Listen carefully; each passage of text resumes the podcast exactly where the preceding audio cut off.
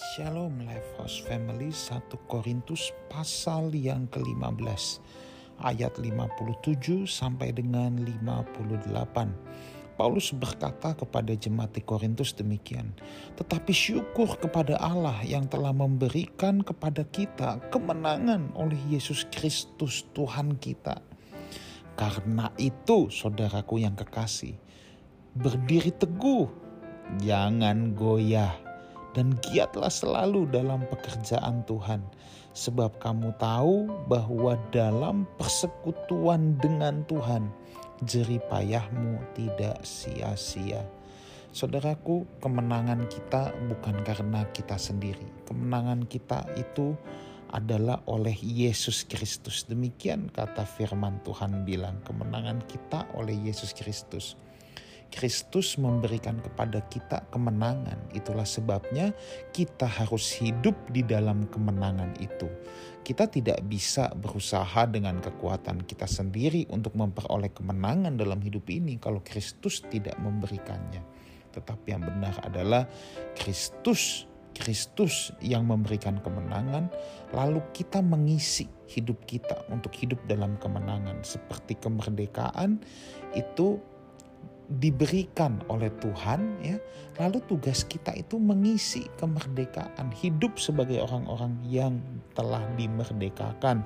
Bukan lagi hidup sebagai budak dosa atau hamba dosa. Nah sekarang begini bagaimana cara kita mengisi hidup kita ya supaya kemenangan yang Tuhan berikan menjadi maksimal dalam hidup kita. Nah di sini dikatakan ya yang pertama berdiri teguh jangan goyah. Nah, iblis itu tidak senang melihat orang menjadi pengikut Tuhan Yesus. Iblis tidak senang melihat orang dimuridkan. Iblis tidak senang melihat orang dibaptis dan menyerahkan hidupnya buat Tuhan. Itulah sebabnya kuasa kegelapan dengan berbagai cara ingin merenggut kembali orang-orang percaya ya dengan berbagai cara kuasa kegelapan ingin membuat orang-orang percaya untuk tidak lagi mengikut Tuhan, untuk menjadi kepahitan, jadi sakit hati, dan lain sebagainya. Iblis bisa dengan berbagai modus apa pun saudara ya. Tetapi judulnya hanya satu, iblis mau merenggut orang percaya supaya orang percaya jangan lagi, jangan lagi mau ikut sama Tuhan. Saudaraku, di sinilah kita perlu pengenalan pribadi akan Tuhan. Kita perlu fondasi pengenalan kita akan Tuhan, bukan apa kata orang. Sehingga kita bisa tetap berdiri teguh dan tidak goyah. Kita tidak diombang-ambingkan sebab kita kenal siapa Tuhan itu. Nah yang kedua, Alkitab bilang gini, giatlah selalu dalam pekerjaan Tuhan. Nah, saudara kita harus giat selalu dalam pekerjaan Tuhan ya. Pelayanan itu harus seimbang saudara. Ada pelayanan di gereja, ada pelayanan di luar gereja. Pelayanan di dalam gereja adalah saling melayani antar orang percaya ya. Jadi kita saling melayani.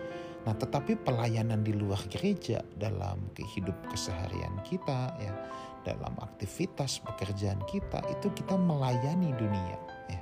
Melayani orang yang bukan percaya. Nah, dua-duanya ini perlu kita harus saling melayani antar orang percaya, kita juga harus melayani yang bukan orang percaya. Makanya kita harus selalu giat dalam pekerjaan Tuhan.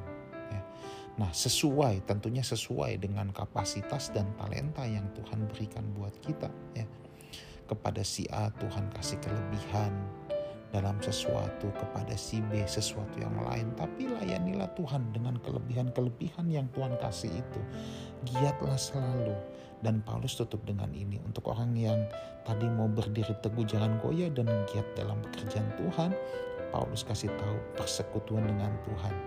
Jeri payahmu tidak sia-sia. Mungkin hari ini saudara bilang ah aku capek pelayanan untuk apa aku melayani? Aku nggak dapat apa-apa kok. Aku nggak ada apa-apa kok. Saudara, ingat kita sudah dibeli oleh Tuhan Yesus dengan harga yang lunas ya. Kita melayani bukan supaya kita diberkati, tapi kita mau membalas kebaikan Tuhan. Lalu berikutnya ingat jeri payahmu dalam Tuhan tidak akan sia-sia. Artinya apa? Tuhan memperhitungkan semua jeri payahmu. Satu hari kelak kita pasti akan bertemu dengan Tuhan. Doa saya setiap kita Levos Family, Tuhan akan berkata kepada saudara dan saya, marilah masuk hambaku yang baik dan setia, masuklah ke dalam kebahagiaan Tuhanmu.